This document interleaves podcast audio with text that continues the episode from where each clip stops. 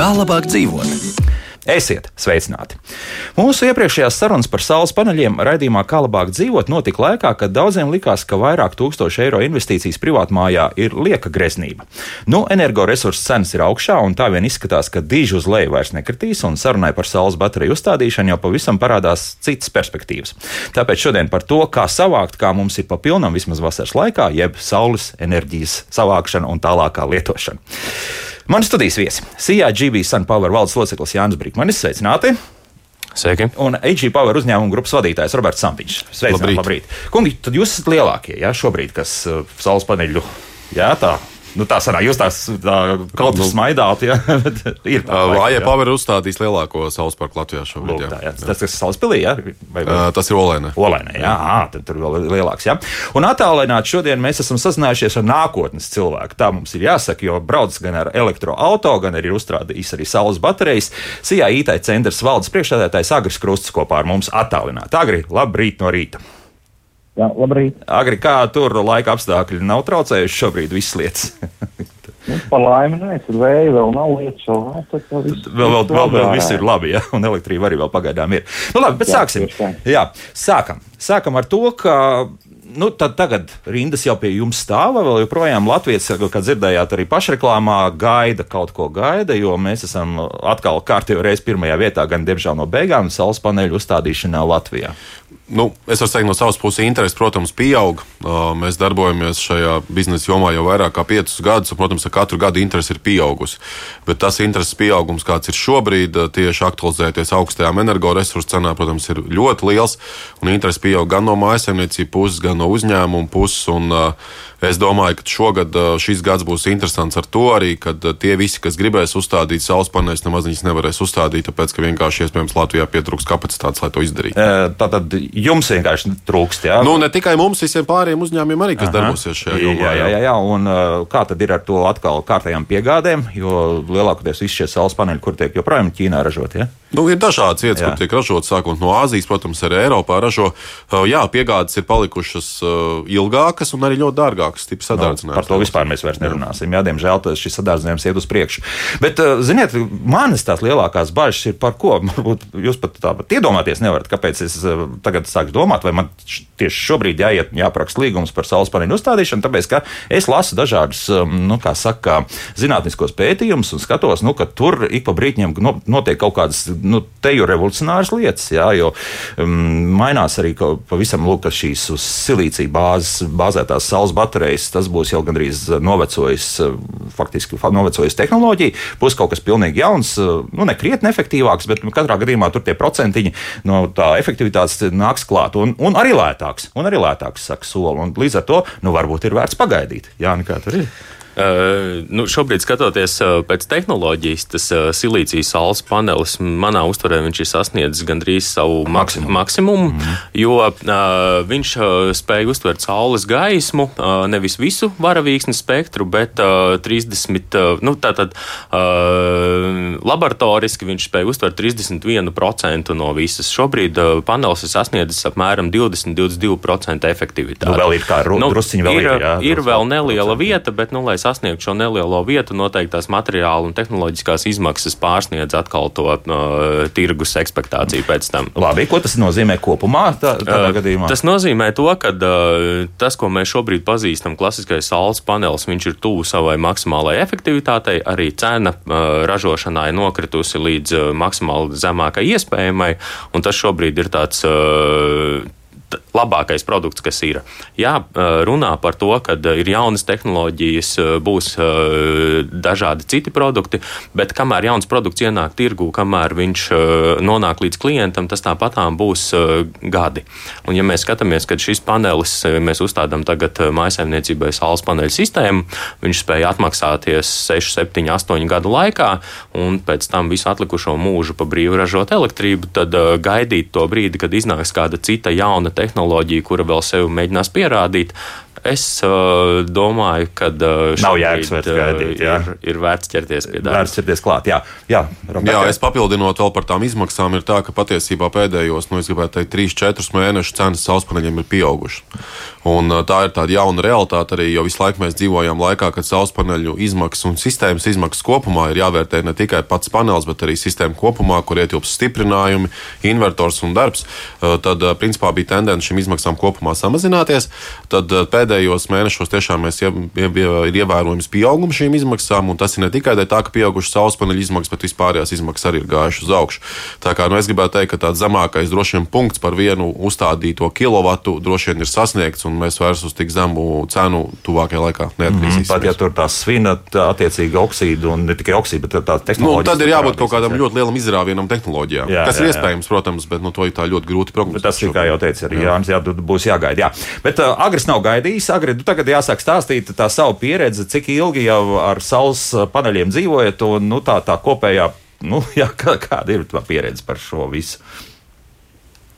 Nu, dzīvoju no tik ilgi, tik ilgi nedzīvoju. Principā iz, izlēmu uzlikt saules paneļus pagājušajā vasarā. Tikko, tikko sākās elektrības cenu celšanās. Jo, nu, iepriekš, nu, ja te, te, te cilvēki minēja, ka atmaksāšanās periods 6, 8 gadu mājasēmniecībām, nu, visticamāk tas tagad tāds pateicoties jaunajām elektrības cenām. Mm -hmm. Iepriekš diez vai ka bija tik lab, labs tas skats. ā, Iepriekš visticamāk bija drīzāk 8, 12 gadi, un tad nu, tur bija grūtāk izšķirties uzstādīt. Un tagad, kā sāk celties, un tad pareiķinās, sapratu, ka ā, tā Latvijas energo situācija ir tāda, ka pat principā tas pieprasījums pēc elektrības stipri lielāks, kā vispār Latvijas spēja saražot attiecīgi, un tur ne, nekas neprognozējās, ka šī lieta mainīsies. Nu. Tad, acīm redzot, pieņēma izdomu, nu, noristīju un sapratu, ka uh, visticamāk tās cenas turpmāk arī celsies. Un šobrīd izstāsta, ka bija uzminējis. Mm -hmm, tad ir trāpīts. Ja? Bet, uh, nu, tātad, kur tie plusi mīnus tagad sākam uh, arī šķietināt lēnā garā? Mm, jā, mums arī paskatoties dažādas diagrammas, ir skaidrs, ka nu, principā, no aprīļa uh, drusku vēl augusts, un tad uh, diezgan strauji tad krītas nu, tā, tā energoefektivitāte, laikam, vai kā to var nosaukt šiem mm, mikroģeneratoriem, kā laikam oficiāli jāsauc ir ja, šīs visas saules Mājasemniecību Jā, gadījumā mi- mi- mikroģeneratori. mi- mikroģeneratori. Jā, agri. Nu, tad uh, vasarā iz- izdevās noķert jā, to, to lielo Nu, man sauli. paš, pašās beigās, dēļ tās lielās uzstādīšanas birokrātijas, uh, nu, tur bija tas process ievilkās. Es tā kā tiku pie tās elektrības augusta vidū tikai, diemžēl.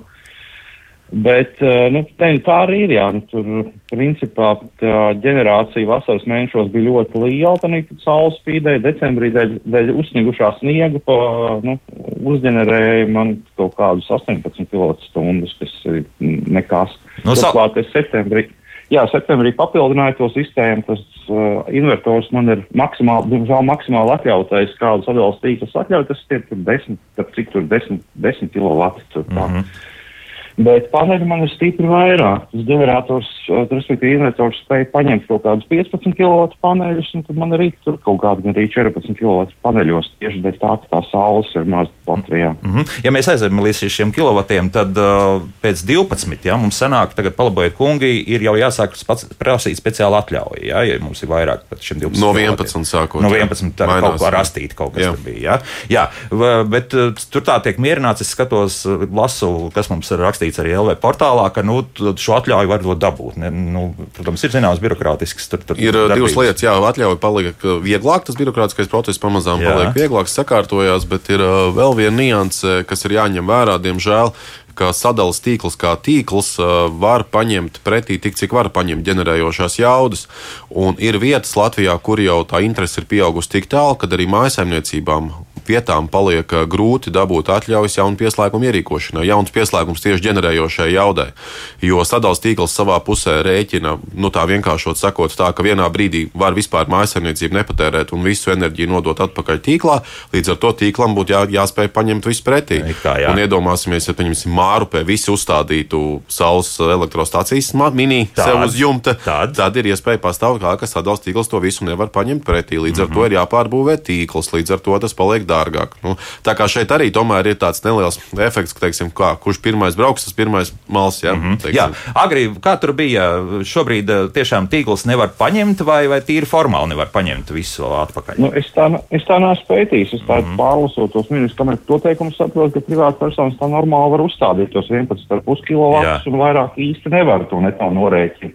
Bet es, godīgi sakot, neesmu iedziļinājies. Vēl līdz. Labprāt, jā, labprāt uzstādītu vēl kaut kādus piecus esošajiem, no, piecus, sešus, jo, nu, Tad- diemžēl, tā kā sākumā min- minējāt, man ir elektroauto, un Mhm. tad uh, man tā ģenerā, ģenerācija ir tāda, ka visticamāk gada patēriņus tā vai tās jau nevar uzražot ar tiem 10 kW invertoru. Tāpēc, ka mašīna jā, patērēs pietiekami daudz. Jā, Jā. Mašīna māja tur beigās tagad strādā no, mā, no mājām, nevis no biroja. Tas arī nedaudz palielina to patēriņu. Tad beig beigās sanāk tā, ka tā neto norēķina. Nu, tas neto norēķins kā īstermiņa buferis uh, strādā tikai. Tā. Tas ir respektīvi ar sadalījuma tīklu, jā, ka šī, šī Jā. notiek miedarbība. Jā, jo lielākoties tas sanāk pašpatēriņš. Būs vairāk nekā 500 šie kilovati, jā, tad, tad un pat vēl drusciņi vairāk. Jā. Viss aizies pašpatēriņam.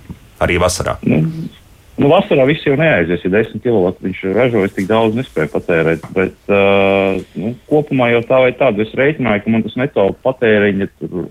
Es iztērēšu uzkrāto elektrību kaut kādā oktobra vidū. Jau viss būs cauri. Jā. Jā, mm -hmm. jā tas, tas, ko es no mārta uzkrāšu, oktobra vidū, viņš jau būs beidzies. Attiecīgi. nu. Jā, tad- Tāpēc uh, gribās lielāku jaudu. Aha, jā, un, un, un te atkal ir jādara divas lietas. Pirmkārt, jāsarunā ir ar, nevis jāsarunā, bet jāslēdz līgums ir ar, nu, nosacīt ar valsti, un otrais ir, nu, tad arī pašam drusku jā, jādomā jā, par to, kā, kā kur ko tērēt. Jā. Nu, tā, tā- tā ir, jā, bet tas, ka tur viss mārup saliks to saules paneļus, arī es negribētu piekrist. Nu, es paskatos, es nedzīvoju gan mārupē, citā ciematā, bet nu, es paskatos tām mājām apkārt. Nu, Varbūt puse var uzlikt paneļus, jo nu, apkārt ir koki, citas mājas, vēl mm -hmm. kaut kas, un tad attiecīgi nu, tā, tas, tas nu, nav, nav gluži tā, ka katrs. Uzreiz to visu varēs paneļus var izdarīt. Jā. uzlikt. Labi, tādā, jā, jā, jā, agri, jā, Jā. jā, jā. Jā. Mhm. Tad tādā gadījumā arī valsts mums jautā, nu, sāksim jau pie tādiem triviāliem jautājumiem. Tādā gadījumā, kādas problēmas saistītas ar saules paneļu uzlikšanu, piemēram, uz 60 grādu slīpa šīferu jumta? Tad sākam no paša sākuma. Tad eh, tā vienkārši likšana nenotiek. Jā, Jādabūna ir, ir gan sadalījuma tīkla atļaujas, gan arī, protams, būvatļauja. Jā, jā, jā. Tas uh, birokrātiskais process, viņš sāk atviegloties. Mikroģeneratoriem maisaimniecībām saņemt sadalījuma tīkla atļauju šobrīd ir jau ļoti vienkārši. Portālā piesaki savu vēlmi un, un veic uzstādīšanu, un pēc tam nodot eksploatācijā. Tas, kas jau ir lielāks, jau elektrostacija, tur gan šis process ir daudz garāks. Ja mēs skatāmies pa maisaimniecību, tad pēc likuma Uh, šī te, uh, mikroģenerators ir jānodod eksploatācijā arī būvvaldē. Uh, bet katra būvvalde šo likumu interpretē savādāk. Līdz ar to mēs, tajā brīdī, kad klients vēlās uzstādīt, mēs sazināmies ar vietējo būvvaldi, noskaidrojam, ko būvvalde un kādā veidā vēlās redzēt šo. Tas, ko mēs darām, minimālā versija ir, mēs prasam no klienta projektu, izvērtējam būvkonstrukcijas, būvkonstruktors sniedz atzinumu, vai šīs slodzes iztur, un attiecīgi tātad sagatavojam nepieciešamos dokumentus arī priekš būvvaldes, uh, vai tā ir apliecinājuma karte, vai tur jau ir arī fasādes vajadzīgas. Nu, tas ir izējot no katras būvvaldes. Mm. Mhm. Jā, tas ir tas, kas prasa vairāk uh, uh, tādu birokrātisko darbu. Labi, jā, jā tā, tādas lietas ir, bet, nu, pieņemsim, ja tas valsts mums jautā par to 60 grādu slīpumu, tam ir kaut kāda nozīme tam slīpumam. Nu, noteikti jau, ka ir. ne? Uh, Slīpumam ir nozīme, Jā. uh, novietojumam ir nozīme. Uh, Vislabākais novietojums ir pret dienvidiem, apmēram uh, 30-35 grādu leņķī. Tas leņķis, mēs uz to skatāmies ne tik kritiski, jo, lai paceltu, piemēram, konstrukciju, uztaisītu pa 10, 20, 30 grādiem un pagriezt vēl pret dienvidiem, tā konstrukcija bieži vien izmaksā dārgāk nekā tas ilgtermiņa zudums, ko varētu Rasties, jā, nu, kas radīsies nu, neizbēgami. Jā, nu, principā ne, neie, ne, neiegūtā elektroenerģija. Ele, elektroenerģija. Jā, jā. Tāpēc uh, maksimāli cenšamies uzstādīt uh, paralēli jumta plaknei. Uh, arī 60 grādos var uzstādīt ziemā, viņš ražos vairāk, vasarā varbūt nedaudz mazāk, bet uh, tāpat viņš strādās un ražos. Mm -hmm. Kā mums tās mājas ir izvietotas Latvijā? Jo nu, ir drusku citas, laikam, fenšu, ja tā var teikt, es pētņās lieku, ja, kā, kā parasti mājas būvē pie mums. Ja? Uh, protams, uh, tad, kad tajos, tajos laikos, kad ir būvēta māja, reti kurš vispār ņēma vērā, kad varētu uzstādīt saules paneļus. Līdz ar to novietojumu izvērtēja pēc dažādām citām lietām, vai pēc āderēm, vai pēc tuvējā ozola, vai, vai vēl kādām lietām. Bet lielākoties var atrast jēgpilns risinājums uz katras mājas, kā arī var uzstādīt arī zemes sistēmas pie privātu mājām. Nu, kur, kur zeme ir? Jā, kur, atļauj, nu, tad, kur, kur ir zeme. Svarīgi, lai nav noēnojums uz šī jumta, un svarīgi ir, lai šī jumta konstrukcija iztur šo svaru, un lai ir novietojums vai nu pret dienvidiem, vai, vai austrumu rietumu sienas taisa, kas atkal no rīta iedod rīta sauli vairāk, un vakarā vakara sauli vairāk, neizsit varbūt tik augstas dienas vidus ražošanas pīķus. Tā kā var salāgot dažādi. Mm -hmm. Bet nu, tas 60 grādu slīpums, tas lielu skādi nenesīs. Ja? Nē, uh, nē tas ir. Galvenais tas... jāskatās, kur tā dienvidu puse. Jā, galvenais, lai viņi ir pret dienvidiem. Mm -hmm. Agri, kā izdevās šo salāgot, jo skaidrs viens, ka māja bija būvēta no sākuma un pēc tam jau tikai šie saules paneļi. Nu, man paveicās, ka man tas uh, īpaši no, noēnojums varbūt vakarā ir kaut kādā rietumu pusē, jo man tie paneļi nav uzlikti uz dienvidiem. Man ir uh, puse nu, gan rīz pusi paneļu uz rietumiem, gan rīz pusi paneļu uz uh, austrumiem un nedaudz paneļu uz dienvidiem. Mm -hmm. Tik, cik tur sanāk. Un, uh, nu, Vislabāk ģenerē, protams, austrumu pusi, bet Tomēr, tas ir konkrētā novietojuma, tāpēc, kad uh, uh, rietumu pusē bija šī koka noēno pašā vakarā no saules. It kā, bet varbūt to vakarā vienkārši parasti vairāk apmācies kā no rīta. Tas arī ir iespējams. Nu, jā, daudz uh, specifiski pētījis. Tā arī var gadīties. Var gadīties, jā. Bet vai vajadzēja kaut kā speciāli stiprināt jumtu, vai, vai izdevās uh, faktiski tikai? Nē, nu man, man, ir, man ir relatīvi jauna māja, tur vienkārši tās konstrukcijas. Es pieņemu, ka tur jāskatās par tām jumta konstrukcijām kaut kādā vecākā mājām. Mm. Jaunākā mājām visticamāk īsti nē, tur viss bija, viss bija kārtībā, bet nu, man tagad, uh, principā, viss jums ir nolikts, visi, visi iespējamās vietas ir noliktas saules paneļiem. Ja es vēl gribētu kaut kāds 5 kW uzlikt, nu tā kā ir jādomā. Kur, ja kaut kādu terasītu uzbūvēt, vēl tur kaut ko tādu. Nu jā, nu jā, nu jā. Bet uh, tagad vēl viens arī tāds tīri praktisks jautājums, kas varētu parādīties vēl pēc kādiem gadiem, pieciem vai sešiem vai septiņiem. Nu, tomēr ik pa brīdim tie jumti ir jāmaina. Cik viegli tas ir un vai jau šobrīd šajās konstrukcijās jau ir paredzēts? Robert, kā tur ir, ka tomēr ap, nu, arī tas jumts jā, nu, jā, tas atšķirās no jumta materiāla veida. Protams. Ja ir tātad šie taisnie jumti, uz kuriem tiek likti pārsvarā stiprinājumi, kurus patiesībā pat jumtam nekādīgi nestiprina klāt, kas vienkārši ar savu svaru nodrošina tātad stabilitāti, tad šāds stiprinājums, protams, vieglāk pacelt nost un noņemt, un, un, un tad var arī jumta darbus veikt. Kas attiecās, ja ir jāmaina jau, teiksim, nu, šī, šī gadījumā, piemēram, nu, šīfera jumts, šeit man liekas, ka varētu jau vispār nu, nomainīt. Kopīgi to iespējams jā. ir jāizvērtē, vai nav jēga to darbu darīt jau uzreiz kopīgi. Jo pēc tam, ja, teiksim, pēc trīs gadiem izlemsiet mainīt jumtu, nu, tagad būs šeit uzlikuši sauspaneļu sistēmu, nu, tās izmaksas noņemt, uzlikt atpakaļ būs gan augstas. Tā kā es teiktu, ka būtu jāizvērtē kopīgi, tas tad šos darbus veikt. Un vēl viena lieta papildinot par uh, māju būvniecību. Nu, To, ko mēs parasti sakām arī saviem tiem, kas pie mums interesējās par saules paneļu sistēmām vai kas tagad būvē māju, tad kā minimums, ko vajadzētu darīt tagad, ir paredzēt, ka tos paneļus varēs uzlikt. Un, ja jūs būvējat tagad jaunu māju, mm. jo tātad jūs varat to tagad nedarīt, labi, gaidīt jaunākas tehnoloģijas, gaidīt atbalstu, gaidīt labākus laikus, bet divas lietas, ko izdarīt, vienkārši paredzēt, vai šīs jumta slodzes turēs tātad nepieciešamo daudzumu, paredzēt jau uzreiz iespējams izvilkt elektroinstalāciju, kas ir vajadzīga no jumta līdz tā vietai, kur jums atradīsies invertors, un paredzēt arī atstāt vietu mājas būvniecības laikā invertoram, tātad priekš saules enerģijas. Tas ir no kastē, jā, jā, jā, tieši jā. tā kastē. Mm -hmm. Un tajā brīdī, kad jūs izlemat, lemsiet to darīt, jums jau viss būs gatavs, jums būs izdarīt daudz vieglāk un arī patiesībā daudz lētāk. Mm -hmm. Agri, es arī vēl šajā pusstundā gribēju jautāt vēl par vienu lietu. Proti, nu, tagad arvien populārāk un izskatās arī lētāk, jo no litija sāk pāriet uz nātriju, tad arī speciāli akumulātori, kas domāti mājasaimniecībām. Nu, par tādu nav domāts ne tikai, ka elektroautorāta varētu būt kā tāda rezerves baterija, bet, bet arī vēl papildus šādas baterijas kaut kur uzlikt, un tad nu, tu paliec pavisam neatkarīgs no, no visiem pārējiem.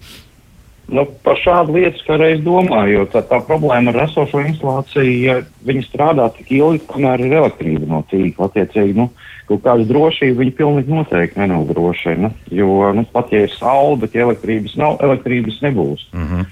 Nu, paneļiem tāpēc gribētos uzlikt vēl papildus kaut kādu bateriju instalāciju, bet uh, nu, tur grūti, nu, vienkārši tā kā tur īstermiņa rezerve neko vairāk. Ilgtermiņam visticamāk lētāk varētu būt nopirkt kaut kādu lietotu elektroautorātu. Nu, un atstāt, jā. Līdz, līdz pa 10 tūkstoši eiro ar kaut kādiem, nu, tur 15, 25 kWh elektrības akumulatorā nu, pa desmit tūkstošiem eiro diez vai tādu akumulātoru varēs nopirkt. Um, un, ja principā to elektrību nobrauc, jau ir izdevīgi. Tādā ziņā, jā. Bet uh, tad uh, atkal mums būs uh, mājas, kurā nu, Latvijas nevar tikt vaļā no tā, ka kaut kur aizmugurē viņam kāda veca mašīna nemētāsies. Tad šobrīd tad, tā jaunā realitāte būs, ka kāds vecs elektroautorāts kaut kur stāvēs, jā, piešķepselēts pie, pie mājas sistēmas. Jā. Agri tā būs. Nē, nu, nu, kaut kā tā, nu, kā reiz apsver tādu iespēju, jā, tomēr, jā. nopirkt tādu lētāku elektroautorātu, ko izmantot kā bateriju. Un teorētiski jau arī no viņa var nobraukt māju diezgan, diezgan labi. Jā. Nu, jā, tā ir. Jā. Labi, labi nevar, bet nedaudz var. Jā. Mm -hmm, jā. Kumpi, ko jūs teiksiet? Nu, nu, es ar baterijām līdzi, teikšu tā, ka bateriju izmaksas šobrīd arī krītās pamazām. Mm -hmm. Tas ir tieši saistīts ar to, ka, protams, ļoti liels investīcijas tiek autoražotāji investē, lai uzlabotu baterijas priekš elektroautorātu. Un arī līdz ar to krītās bateriju izmaksas, kas ir tieši ražotas speciāli, lai uzkrātu elektroenerģiju priekš mājasēmniecības vajadzībām, ko varētu darīt tātad dienā ražo elektroenerģiju elektrību, saules paneļu naktī, tad viņi paņemt no baterijas. Es domāju, ka vienā brīdī, un jau šobrīd tās izmaksas patiesībā ir diezgan kritušās, ka to jau var darīt. Cita lieta ir tā, ka uh, tas nav joprojām ekonomiski izdevīgi to darīt. Neto norēķina princips noteikti ir izdevīgāks nekā uzstādīt bateriju mm -hmm. papildus. Nu, labi, par to tad runāsim drusku vēlāk, jā, jo tad, tad, tad mums šī sistēma tomēr arī jāizrunā līdz galam. Agrīt sakrā to, ka mums tūlīt arī jāšķirs, tad varbūt vēl tāds, nezinu, uzmodrinošs vārds, vai tieši otrā, tad drusku pes, ar pesimismu tomēr, nu tad vai ir vērts vai nav vērts tās baterijas likt. Nu, baterijas pašas, nu, finansiāli, tā kā teicu, dēļ tās neto norēķinu sistēmas, uh, viņš uh, nu, nu, nebūs, finansiāli nebūs izdevīgi. Vienīgais, kur, kāpēc ir izdevīgi, kad ir tā kā rezerves elektrība, ja nu tiešām pazūd elektrības, elektrība kaut kāda apsvēruma pēc, tad var mierīgi ar tām baterijām padzīvot. Nu, mm -hmm. tad, tad arī vieglāk saprast tos nu, 3-4 tūkstošus iztērē. Nu, Dīzeļģenerators vai benzīņģenerators noteikti būs apmēram tas pats. Jā tas pats, un tad attiecīgi labāk tādā veidā nekā nu, dīzeļģeneratoru darbināšana. Un saules paneļi tādā gadījumā, nu tad noteikti, nu, ka jā. jā. Nu, es teiktu, par saules paneļiem pilnīgi noteikti, jā, tur ir izdevīgi. Tur, uh, es uzliku, tagad brālis taisās uzlikt uh, šos ar kā reiz. Tāpēc, uh, nu, Tur es neredzu iemeslu tagad nelikt. Principā, ja ir iespēja uzlikt tā māja pareizi pret debesu pusēm un nav ēnas, tad ir noteikti jāliek. Mm -hmm. Lūk, tā. Agri, paldies, paldies par sarunu. Tātad CIA IT centra valdes priekšstādājs Agris Krusts, kur mēs noteikti dzirdēsim vēl kādreiz redzījumā, kā labāk dzīvot, bet tad jau par IT lietām vairāk runājot. Laiks muzikai, pēc mūzikas mēs turpināsim, sazvanāsimies arī ar Altumu. Un, kā izrādās, tad it kā speciāls programmas šobrīd nav, bet zinām naudas summu aizņemties no Altuma arī var. Kā to var izdarīt? Nu, to mēs noskaidrosim burtiski pēc pāris minūtēm. Kā labāk dzīvot? Mēs šodien runājam par saules paneļu uzstādīšanu. Mums jau šī saruna ir diezgan ilga, jau vairākus gadus pēc būtības, bet šodien šeit studijā mums CIGB Sunpower valdes loceklis Jānis Brikmans un AG Power uzņēmuma grupas vadītājs Roberts Samtiņš, kā arī šobrīd esam sazinājušies ar Altumu uzņēmumu energoefektivitātes daļas vadītāju Edgars Kuduru. Edgars, labrīt! Labrīt! Edgars, tagad ir jāizstāsta, jo arī mājaslapā jau prasa, nu, pieņemsim, šobrīd tiek spriests par to, ka varbūt tas PVN samazināšana elektrībai noderētu. Nu, protams, ka daudz to gaida, jo elektrības rēķini ir milzīgi. Tā mums Roberts jautā, bet vai būs arī kāda šobrīd saules paneļiem, kādas programma vai kaut kas dzirdams ir par to? Jā, tad Daltumā jau šobrīd darbojas uh, aizdevuma programma, kas, ir, kas paredz to, ka mēs varam samazināt nodrošinājumu uh, prasību piešķirt līdz 90% jebkura, jebkuram uzņēmējam uh, saules paneļu iegādēji šo aizdevumu. Un uh, pašreiz ļoti intensīvi tiek strādāts uh, ministrijām sadarbojoties arī ar Altumu un citām institūcijām pie atbalsta mehānisma, kas būs RRF, respektīvi atbalsta atlapšanas fonda ietvaros, um, kapitāla atlaides finanšu instruments, kas paredzēs to, ka varēs saņemt gan komercbankās, gan automā aizdevumu un izpildot noteiktus uh, rādītājus, respektīvi elektroenerģija, kas tiks saražots ar saules paneļiem, tiks izmantot uh, lielākoties uh, pašpatēriņam uzņēmumu, tad pēc gada tiks, tiks piemērota kapitāla atlaide jeb samazināt uh, aizdevumu pamatsummu. Mm -hmm. Pats par cik samazināsies? Pats pie tā paša izteikti strādās, bet dara visu iespējamo, lai tas būtu 30% apmērā. Nu, arī nav slikti, protams, bet tas vairāk attiecas uz uzņēmumiem. Jā, tā, tā, tas, ir, tas, tas ir juridiskās personas vai arī privātpersonām. Tomēr kaut kas būs plānots, jo eh, te mēs arī jau pirms raidījuma nedaudz runājām, ka Igaunija un Lietuva mums ir aizgājis tālu priekšā tikai tāpēc, vien, ka viņiem šīs eh, faktiski saules paneļu uzstādīšanas atlaižu programmas un, un, un, un dotāciju programmas ir bijušas visu šo laiku. Mums bija pirms cik gadiem? Daudz, jā, pirms vairāk, vairāk nekā desmit. desmit jā, jā, jā, pagājuši. Jā, par šo varbūt būs kaut kas arī domāts domāts par to? Arī pie tā paša reiz tiek strādāts vairāk ministrijā pie, pie, programmas, pie programmas parametriem. Pagājušā vasarā jau bija pirmā pilota pro, programma Altumā priekš privātu mājām, kas tiek paredzēts, ka arī šogad tiks turpināta, mazliet paplašināts, strādā pašreiz pie tā, lai paplašinātu mazliet arī šos te iespējas gan reģionālās, gan arī to, ko var darīt un ko nevar darīt, bet nu, tā būtu spekulācija no manas puses tagad kaut ko vairāk. Mm -hmm, bet katrā gadījumā pie tā tiek strādāts. Jā. Tiek strādāts un visdrīzākais, ka būs, jā, nu, to mēs varam gadrīz apsolīt. Jā. Nu. Tam jābūt būs šogad, jā, jau. Mm -hmm, jā, bet tad, tad tie, tie pirmie soļi, kas tam pašam uzņēmējiem būtu jādara, jāraksta jums ir pieteikums vai, vai jāsāk ar kaut ko citu, ar, teiksim, ar, ar pašu tehniskā projekta izstrādi, un pēc tam tālāk jāgriež pie jums. Uh, pie mums, jebkurā gadījumā var vērsties, jo mēs varam tad izskatīt iespēju varbūt tikai saules paneļu risinājumiem uh, aizdevumu un, un atbalstu piešķirt, taču arī kādai citai varbūt uh, ar energoefektivitāti vai enerģētiku saistītai um, idejai vai projektam.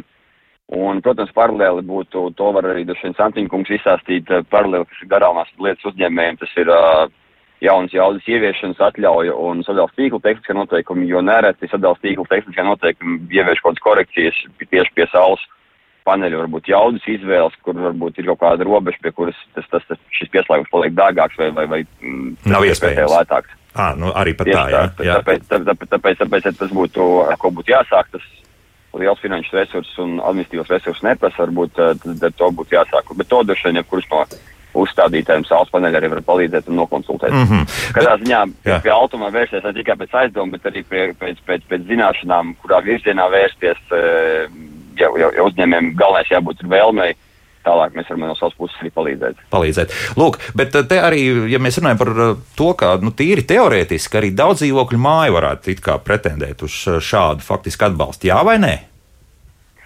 Uh, tiešā veidā šajā programmā gluži nebūs. Uh, mēs varam piešķirt aizdevumu energoservisu kompānijai, piemēram, kungiem, kuri sēž vai jums kopā vai, vai meklētāji ar jums ir intervijā. Tad, ja viņi kā energoservisu kompānijas vēršas pēc aizdevuma, tad viņi var pēc tam saviem klientiem, jo gala patērētājiem daudz jau māju uzstādīt šo saules paneļu. Aha, šādi, jā, aizdevuma, aizdevuma ņēmējs būs šis energoservisu kompānija. Uh, kur uzņemās gan riskus, gan, gan, gan uh, ietaupījumu sadalījumu un tā tālāk. Mm -hmm, skaidrs. Edgars, paldies, lai veids šodien darbos automu uzņēmumu energoefektivitātes dēļ vadītājs Edgars Kudors bija kopā ar mums. Tā, nu tagad kādi komentāri. Ja? Es, es gribēju tomēr pajautāt par tiem daudz dzīvokļu mājām. Tā ir kaut kāda perspektīva, jo skatos, nu, pieņemsim, Francijā jā, viņi liek, un pat interesanti nevis uz jumta, bet nu, viņi liek uz sāniem. Nu, protams, ka tur dienvidu pusē logu viņiem nav, līdz ar to pavisam labi. Jā, vesela siena, viņi tā smuku uzliek šos saules paneļus un ražo. Jā, jā tā Francija, tas. Um, jautājums par to, kādā veidā mājasemniecībām, kas dzīvo dzīvokļos, arī nodrošināt iespēju izmantot saules enerģiju. Jā. Un viens no variantiem ir tāds, kad uzstādīt uz daudz dzīvokļu mašas mājas saules paneļus, un to, nu, tur gan ir diezgan daudz tehniskas nianses, jo, lai efektīvi to saules enerģiju izmantot, tad būtu jābūt mājai kopīgam pieslēgumam pie sadalījuma tīkla, kas nebieži vien ir. Katram ir savs dzīvoklim, ir savs individuālais pieslēgums pie sadalījuma tīkla, un tad sanāks tā, ka no tā jumta tā jauda ir jādala, jāvēl katram savs kabelis. Nu, tas būs diezgan tehniski nu, neiespējami. Teiksim, nu, ir, jā. jā, tas būtu neiespējami. Bet uh, ir otrs variants, kas patiesībā šobrīd darbojas jau arī Lietuvā, un cik es zinu, arī Latvijā uh, pie tā tiek strādāts, uh, ka, ja tiek uzstādīts liels jaudas saules paneļu sistēmas uz zemes kaut kur, pieņemsim, lauku rajonos, tad katra mājas mājsaimniecība var virtuāli iegādāties nelielu daļu no šīs saules parka un no šīs saules parka attiecīgo saražoto daļu attiecināt uz savu patēriņu. Un tādā veidā tā kā gan veicina saules enerģijas attīstību, gan arī nodrošina mājasemniecībai iespēju kontrolēt savas izmaksas un izmantot saules enerģiju. Tad es saprotu, tā, ka atrod tādu smuku pļaviņu, kurā nekas cits īpaši nevar notikt, saliek šo saules paneļus, un tad tu esi kā nopērts pais pēc būtības. Jā? Nu, pēc būtības, jā. Nu, jā. Protams, to dara ne konkrētā mājasemniecība, to dara visticamākais uzņēmums, kurš to saules parku attīsta, un tad vienkārši viņi tā, nu, rupi sakot, iztirgo pa daļām konkrētām mājasemniecībām. Izklausās labi. Zemūdens akmeņi te ir kaut kādi, jā. Saskatāt kaut ko, vai, vai, vai, vai, vai, vai tiešām izklausās pārāk labi? Jā. Par šādu mēs jau vairāk kā gadu diskutējam ar ekonomikas ministriju. Jā. To droši vien var darīt elektrokompānija savā ietvarā, ja viņam ir šis parks un, un šis Aha. klients ir viņu.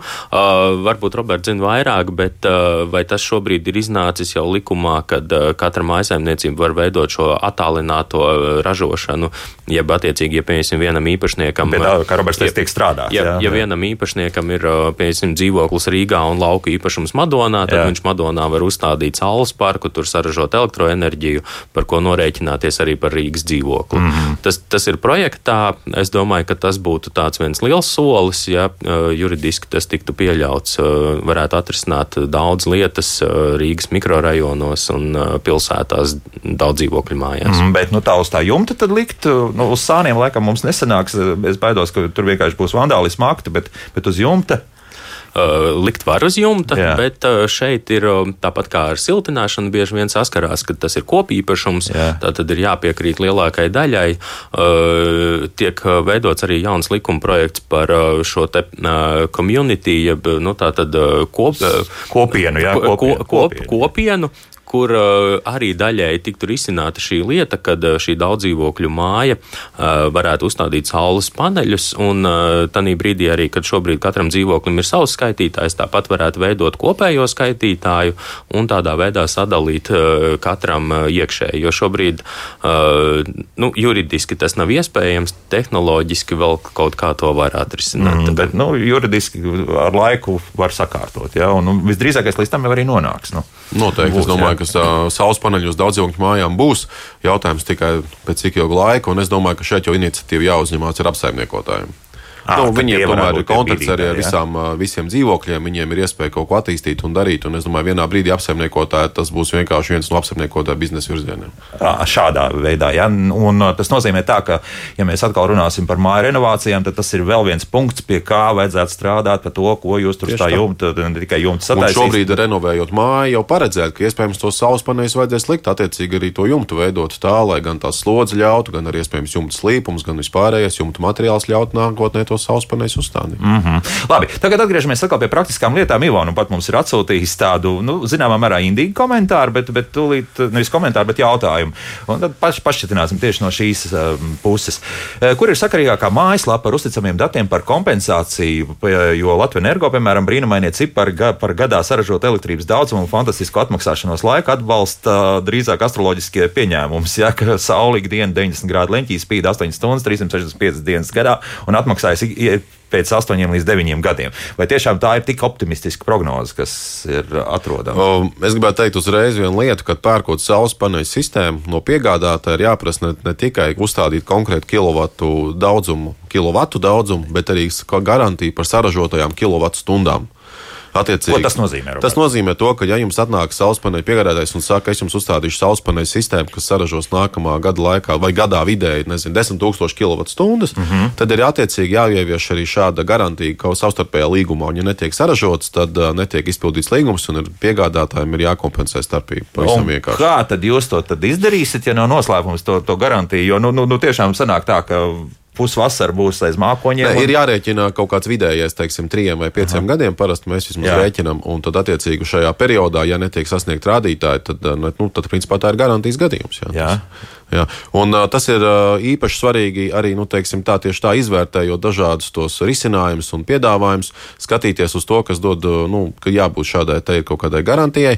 Un otra lieta, tomēr, ir, ko var rēķināt, es teiktu, tā, nu, Latvijas gadījumā ir diezgan vienkārši rēķināt, jo tāds, nu, uh, principā, pieņēmums ir tāds, ka viens uzstādītais kilovats uh, saules enerģijas, un, ja viņš ir uzstādīts pret dienvidiem un šajā leņķī apmēram 30-35 grādi, tad gadā saražos 1000 kWh elektroenerģijas. Mm -hmm. Mājasemniecībām, protams, ir nedaudz daudz, daudzreiz sarežģītāk, kā mēs dzirdējām arī jau piemēru pirmajā raidījuma daļā, Nu, Agris kur, ir- kur ir rietumi, austrumi, un tur, protams, ir grūtāk. Bet arī tur ir iespējams ļoti precīzi izrēķināt, cik šīs saules paneļa sistēmas saražos. Bet, nu, Jumta tā, slīpums viens pret vienu, jā, nu, tā nu, jau var teikt, nu, sanāk, jā? Nu, Viens kilovats. ļoti tuvu. Nu, teiksim, mūsu uzstādītie saules parki pirmie, kas bija vairāk kā pirms pieciem gadiem, es gribētu teikt, ka gan izvēle visi ražo to, ko mēs prognozējām. Tur nav. Nu, Vēl joprojām. Jā. Jā. Jo nākamais jautājums ir, protams, diezgan loģisks. Mēs te runājam par daudziem un arī faktiski līdz pat 25 gadu tādam ilgam kalpošanas termiņam. Kāds ir tas kritums? Ar katru gadu nu, tomēr šai saules baterijai vajadzētu palikt mazāk efektīvākai. Jā, jā, jā. Ražotāji, nu, tātad, kas ir uh, ir viens listas, jeb principā pasaules top, top ražotāji, tā, ir apmēram 12 līdz 15 gada tehnoloģiskā garantija un 25 gadu ražības garantija, kas ietver to, ka uh, pēc 25 gadiem šis saules panelis ražos vismaz 85% no savu nominālu jaudas. -hmm. Tā tad nav tā, ka uh, 25 gados tas panelis saulē sadilst līdz nulei un beigās neko nedod. Tad, tad viņš ražo 25 gadus un vēl un vēl. Kaut kāds nu, pusprocents gadā tad varētu būt tas kritums. Jā, jā. ir uh, pirmais gads, kad ir uh, līdz 2% kritums. Ātrāk pirmais, jā, jā. pirmā gada ir lielāks kritums, un tad uh, pa pusprocentu apmēram katru gadu vai zem pusprocentu katru gadu ir kritums. Un tas arī praksē ir attaisnojies, ka apmēram tā arī šie, Apmēram šie, šie jā. notiek. Ja? Kas varētu būt tāds, kas ietekmē, ka baterija varētu kaut kādā veidā nokalpot tomēr īsāku periodu? Ir kaut kas tāds, nu, ko cilvēki izdara nepareizi, pieņemsim, kas tas varētu būt. Nu, ja Daudz- mēs runājam par pašiem saules paneļiem, nu, protams, tas ir kaut kāda mehāniskā iedarbība, kas varētu būt, ja mm -hmm. ne, nejauši tiek viņi bojāti. Uh, populārākais, ko mēs esam saskārušies, ir, ka, ja tiek saules paneļi uzstādīti uz zemes, Jā. tad uh, zāles pļaušana bieži vien sagādā problēmas, jo pļaujot zāli, tiek uzmest kāda akmeņa augšā, uzrauta, kas var uzsist vienkārši mehāniski bojāt, teiksim, saules paneļus. Un, attiecīgi, ja ir uz zemes uzstādīti, tad vajag ar, nu, padomāt divreiz pirms tur kaut ko apkārt darīt, lai nesabojātu. Uz jumta uzstādītām sistēmām mehāniski, es domāju, nu, atkal, ja tas tiek speciāli kaut kā tikai bojāts, bet savādāk šīs sistēmas nevajag ne viņas mazgāt, neko darīt. Viņas vienkārši stāv un, principā, pēc uzstādīšanas dzīvo savu dzīvi, kas, manuprāt, ir vislabākais, lielākais saules paneļi, ir viens no plusiem, ka, principā, nekas nav jādara. Jā, Nekas, un mazgāt arī nevajag, pieņemsim, ar šampūniņu ik pa brītņiem. Nē, nevajag šo tur vairs tīrīt. Jā, jā, jā. Tieši tā, ka uh, šis skaitās bezapkopju tehnoloģija. Par to, ko cilvēks var izdarīt, esmu dzirdējis no viena partnera Holandē, kur viņš stāstīja, ka viena liela saules parku tieši ar šādu mazgājumu līdzekli nomazgāja. Viņam rodās tāda plēves kārta pa virsmu atspīdoša, un tad dabūja diezgan ņemties, lai viņu notīrītu atpakaļ. Bet šis stikla saules panelim speciāli ir veidots, lai lietus viņu nomazgātu, nomazgā visus putekļus un putekšņus, un viņš ir bezapkopja tehnoloģija, un arī nav jēgpilni ziemā rāpties augšā un tīrīt sniegu, jo Latvijas, Latvijas Apstākļos, apstākļos ziemā tā ražība ir ļoti, ļoti maziņa. Līdz ar to riskēt un kāpt uz jumta, lai notīrītu sniegu un dabūtu dažus vatus vairāk, nu, tie, tas, Nav jēgas, tas jā. risks bieži vien ir lielāks mm. nekā tas iegūms. Jā, bet tie ziedputekšņi tad tiešām nebūs tā, ka, pieņemsim, kādā nu, mm, sausākā nedēļā, kad tiešām tie ziedputekšņi parādās, ka tur ar šļūtenī tomēr drusciņi palaistīt. Uh, jā, uh, it sevišķi, ja tas ir kaut kāds rapšu ziedēšanas laiks, vai, vai kur ir izteikti ziedputekšņi, uh, viņi pārklāj tos paneļus, bet uh, nu, Latvijā uh, ir ļoti bieži un ļoti daudz lietus, un uh, nu, tad ir maksimums nedēļa bez lietas, un uh, uznāk lietas un noskalotos tos putekšņus. Uh, ja ir ļoti, ļoti liela vēlme, uh, Protams, var mēģināt ar šļūteni arī viņus pamazgāt, bet labāk to darīt vai no agri no rīta vai vēl vakarā, kad uh, saule nav uzsildījusi šo paneli, nav sakars šis saules panelis, lai nesasprāgtu stikls. Mm. Un, uh, bet uh, labāk atstāt viņu dzīvot uh, savu Lai, dzīvi. lai tā ir, jā, un labāk neķerties klāt. Bet eh, vēl viena lieta, ko mēs arī te ārpus eh, kadra, kā saka, runājām, un es dzirdēju ir par to, ka lūk, tagad tas milzīgais vējš, kas pūš, un eh, ka tās sistēmas, kas ir noliktas uz zemes, jā, tad nevis uz jumta, bet atrodas uz zemes, ka tur, jā, iepūš no otras puses, tad, tad tur problēmas varētu rasties. Tur tāda stipri jānostiprina ir tā, lai, lai, lai tas 30 metrus sekundē lielais pamatīgais brāziens viss neapgāst un nesaplāst. Jā? Ne, nu, tur ir divas lietas. Pirmkārt, ir jāuzstāda kvalitatīva sistēma un nedrīkst taupīt uz stiprinājumiem. Tas ir viens, un otrs, protams, šīs sistēmas ir jāapdrošina. Gan mājasemniecību gadījumā, gan uzņēmumu gadījumā ir jāapdrošina, un, ja ir apdrošināšana, un viss sistēma ir izbūvēta pareizi, tad apdrošinātājs nosaks. Šādi iet, jā, šo ceļu. Jā, jā. Nu, jā. Nu, jā. Tā, ko, ko mums tagad ir atkal radioklausītāji sarakstījuši? Nu, Jānis rakstums šādi tehnoloģijas attīstās, šobrīd liederības koeficients ir ļoti tālu no viens. Nu, it kā jau, cik tam mums te 20. Uh, Nu, 21, 22, jā, nē, protams, Jā, ka nu, jā, viens, līdz- nu, līdz es domāju, ka 100%, viens mēs jā, ne, jā. varbūt Ne- nesasniegsim savā nekādu, mūža laikā jā. noteikti nesasniegsim. Jā. Jā. Jā, tas ir, nu, varbūt tehnoloģijai jābūt kaut kādai jaunai, tad pavisam ir. Bet uh, par to, vai uzstādīt tagad vai uzstādīt vēlāk, tāpēc, ka tehnoloģijas attīstās, nu, kā attīstās jau visas tehnoloģijas ar līdzīgu pieeju, mēs varētu arī nepirkt jauns telefons un nepirkt jauns dators, jo pēc divu gadu noteikti būs labāks telefons un noteikti būs labāks jā. dators. Un mēs varam divus gadus varbūt pat neko nedarīt, jā, bet nu, cilvēks jau ir pieredzējis tomēr dzīvot arī šodienai kaut kādā. Mm. Uh, Jānis mums raksta, man paneļu uzlikšana un visa birokrātija aizņem divas nedēļas. Tas, es domāju, ka nav slikti, vai ne? Divas Jā, nedēļas. tas tiešām ir reāli jā. tas ir iespējams mājsaimniecībai. Mhm. Jā, gribētos, lai es ražojot elektrību objektā X, varētu nosakt elektrības patēriņu objektā X un Y. Līgums ar uh, sadalījuma tīkliem ir uz viena vārda. Nu, jā, par to mēs arī runājām. Principā, ka tur varētu tas risinājums būt kaut kāds ar laiku. Jā, nu, cerams, pēc iespējas ātrāk. Jā, ka tiešām Madonas saražoto elektrību tu tikpat mierīgi vari nu, formāli no, iztērēt uh, Rīgā. Jā, pieņemsim tā. Mm, tā, ja pareizi saprotu, tad neatkarīgi no sadalījuma tīkla nekāda nevar būt. Tā Mums jautāja, Vilnis. Uh, ir tās tā uh, saucamās off-grid sistēmas, nu, tātad uh, no tīkla neatkarīgas sistēmas. Mm -hmm. uh, var tādas veidot, uh, bet tas nozīmē, ka uzstādām saules paneļus un obligāti ir jābūt akumulatoriem, kurā tiek uzkrāta šī en- elektroenerģija. Uh, tādas sistēmas Latvijā arī ir. Uh, viņas nav daudz, bet viņas pārsvarā izvēlās tādās vietās, kas ir uh, attāls lauku īpašums, kur pievilkt jaunu elektro uh, Līnija būs ļoti līnija dārga, dārga, un šis plānotais patēriņš ir pietiekoši neliels, nu, tad uh, tur var uzstādīt arī šādas sistēmas, kas nav pievienotas tīklam. Mm -hmm. Bet tā kā Latvijā ir šī neto norēķina sistēma, tad uh, ekonomiski pamatotākais ir uh, izmantot šo tīklu, kurā nododam avansā un pēc tam naktī un ziemas mēnešos patērējam atpakaļ savu nodoto elektrību. Jā, par obligātu sistēmām vienīgais ir tas, protams, ka viņas darbosies ar saules paneļiem un bateriju. Labi, var darboties vasaras periodā, bet ziemas periodā šis risinājums, diemžēl, īsti nestrādās. Ka tur ir vajadzīgs vēl papildus ģenerācijas avots, kas visticamākais te varētu būt, pieņemsim, kāds dīzeļu ģenerators. Nu, attiecīgi, jā, šīs sistēmas patiesībā ir diezgan nu, tādas sarežģītas, un nu, tur ir jāvērtē, vai tāda ir. Jā, jā nu tik liela akumulātora, lai Jā. izvilktu visu ziemu, laikam tā nebūs. Tas jā. būs neatmaksās. Jā. Nu, un vējš ar vēju visādi. Jā, 30 metri atkal ir par daudz, tad jāslēdz būs viss ārā. Tur visdrīzākais, ka tas vēja enerģija ir ļoti laba tehnoloģija, un viņai noteikti ir vieta kopējā energosistēmā, bet vēja enerģija, manuprāt, ir nu, individuāliem patērētājiem uzstādīt ir gana sarežģīta un grūta. Mm. Otra lieta, vai enerģija, ka viņai tomēr ir vajadzīgs vairāk apkopes nekā saules enerģija. Tas ir tehnoloģija, kas prasa apkopes, jo Nu, tur ir kustīgās daļas, kustīgās daļas tieši tā ir. Un, nu, jā, un arī saskaņošanas process, protams, ir daudz ilgāks un garāks. Tā kā to vajadzētu varbūt vairāk atstāt nu, teikt, profesionāļiem. Tieši tā, jā, varbūt kādu citu raidījumu uztaisīsim, vai tur ir kādas vēl perspektīvas. Um, Andris mums raksta, nu, es nezinu, vai, vai tas tā jau ir tāda komercdarbība, vairāk to, ko viņš mums vēlas piedāvāt. Pareizāk sakot, pats vēlas nodarboties. Jau labu laiku ir doma par saules paneļiem. Pie mājas ir hektārs zemes, nav apkārt koku. Cik reāli ir kaut ko nopelnīt, uzstādot paneļus uz zemes un kādas ir aptuvenās izmaksas? Nu, par izmaksām šobrīd nerunāsim, tur ir individuāli jārunā, bet vai nu tāds, principā, jau biznesa veids, tas nozīmē nevis pašpatēriņam tu strādā, jā, un pēc tam, lai vai nu tu atdod vai ņem atpakaļ no, no, no sadalījuma tīkliem, bet tomēr Nu kā, nu, tā ir uh, jeb, jeb, ražošana, kā jebkura cita ražošana. Ir jāuzstāda iekārtas, kas kaut ko saražo. Šī gadījumā tiek saražota elektroenerģija. Jā. Ir jāizrēķina, cik maksā uzstādīt tātad iekārtas, ir jāsaprot, kāda būs pārdošanas cena, un tad var rēķināt, cik ātri tas atmaksāsies. Tas, ka saules paneļu sistēma šādi uzstādot atmaksāsies savā mūža laikā, tas ir simtprocentīgi. Jautājums mm -hmm. ir tikai, vai tas atmaksāsies 7, 8, vai 10 vai 11 gados.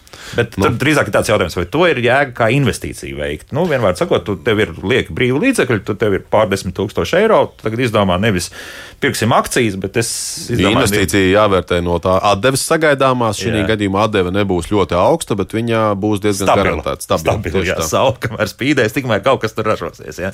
Nu, lūk, tā. Um, tā, ērtāk uz zemes vai jumta, Jānis mums jautā. It kā drusku tam pieskārāmies, bet kopumā Jāni. Uh, tas ir tieši uzstādīšanas ziņā. Nē, es domāju, uh, ka ja mēs uh, katru Kopumā objektu vērtējam primāri skatoties, vai var un kā var uzstādīt uz jumta, gan, gan maisaimniecībai, gan uzņēmumam, jo šī ir principā brīvā neizmantotā platība. Jo jebkura zemes vienība, ko mēs aizņemam, nu, tad mēs aizņemam papildus kaut kādu vietu. Ja mēs varam izmantot jumtu, viņš šobrīd nav izmantots, nu, tad maksimāli izvērtējam, izvērt, iz, izmantot šo jumta platību saules paneļu uzstādīšanai. Mm, savukārt, ja arī mm, ir kādas brīvas pleķītes un tiešām nevēlaties tur puķu dobu vai, vai burkānu audzēt, tad kāpēc ne? Jā, kāpēc ne? Jā. Jā, tur ir sava ērtība. Ir, tad var precīzo leņķi mierīgi uzlikt, jā, kā vajag šos 30, 35. 35 būs labāk vai 30, kurš kur, kur, vai, vai vidu kaut kas tas. tas Plus mīnus pa Garš. vidu tas ir, un tur ir jāskatās arī tiešām ar katrai, katrai konkrētai geogrāfiskajam punktam var aprēķināt ļoti precīzi, kas ir visizdevīgākais. Skaidrs, jā, tur pier, pieregulēt. Uh, labdien! Irvings mums raksta, varbūt cits iedvesmos. Paneļi jau uzstādīti 5 gadus. Sākumā tuvākie vaidēja, ka dārgi, neizdevīgi vai tad grūti samaksāt 11 eiro. Dārgi ir naudu uzkrājumos turēt bankā. Nu, viņš pat raksta par 0,5 līdz 1%. Nu, tad dividendēs, jā, nevis dividendēs, bet, bet nu, kapitāla pieaugums. Bet, nu, tur, protams, ka tas nekas nav, jo nauda sen jau devalvējusies. Inflācija pagājušā gada raža 3500 kW, un vēl tagad uzkrājumā neto uzskaitē palikuši 500 kW. Ja otro gadu spēja nodrošināt pilnībā uzkrāt un lai pilnīgāk izmantot saražoto pārgāju uz kā. un vēl agrāk saule spīdēja par 0,05 eiro, tagad jau pāri par 0,2 eiro. Jā, nu, jā, tad viņš Ne, tā tas ir īstenībā ļoti labs piemērs tam, kā darbojas neto norēķina sistēma. Jo Jā. tās mājsainiecības, kas bija uzstādījušas saules paneļus un ražoja visu pagājušo gadu vasaru, es zinu mājsainiecības, kas šogad decembrī par elektrību principā nemaksāja neko, kad līdz daudziem bija lielie rēķini, jo viņi vienkārši paņēma no tīkla atpakaļ neto norēķina sistēmā uzkrāto elektroenerģiju. Un tas ir šī gadījumā ļoti labs piemērs. Nu, jā, par to mums, ap citu, arī runāja piekdienā mūsu viens no viesiem. Tad- gan bija saruna jau pēc raidījuma. Mūsu energoefektivitātes speciālists um, Kristaps Turauskis. Viņš teica, ka pagājušā mēneša rēķins viņam bija pie 250 kvadrātmetru lielai privātai mājai. Kā jūs domājat, cik? Nu, 10 eiro. 22 eiro. Tas ir par, par Tātad piegādi. tīkla pārvads, jā. Tīkla pārvads. Un viss, jā, tātad viņš ir spējis iepriekšējās vasaras laikā, vēl arī vismaz nu, tātad decembrim un acīm redzot janvārim viņam vēl pietiks, tad to arī visu vēl tērēt. Un, nu, Mm -hmm. Te laikam ir tas te, te ļoti ātri tad atmaksāsies, ja šie, faktiski šīs investīcijas tad sanāk. Ja saglabāsies šādas elektroenerģijas cenas, Nu, tad, protams, Izskatās, ka jā, diemžēl. Jā, laimi, un jā. uh, katrai maisaimniecībai arī šis saules parks tiek rēķināts individuāli. Nav tā, ka uh, visiem der viss. Uh, Tātad skatāmies uh, gada vai divu gadu iepriekšējo elektrības patēriņu, un uh, šim te patēriņam pielāgojam saules parka lielumu, lai uh, gadā saražotais nosektu. Tātad, uh, nu, tātad vasarā saražotais, lai nosektu arī visu cauri gada patēriņu. Nu jā, un attiecīgi tas būtu vislabākā tā, tā investīcija. Lūk, šīs nav beidzamais stāsts. Noteikti mēs turpināsim stāst par saules paneļiem, jo skaidrs viens, ka tā ir mūsu nākotne, neizbēgama. Laikam, ja? Un Kungi māja ar galvu. CIGB Sun Power valdes loceklis Jānis Brikmans un AG Power uzņēmuma grupas vadītājs Roberts Samtiņš bija kopā ar mums. Paldies par sarunu. Līdz rītam, mīļie! Uz, uz sadzirdēšanos! Sadā.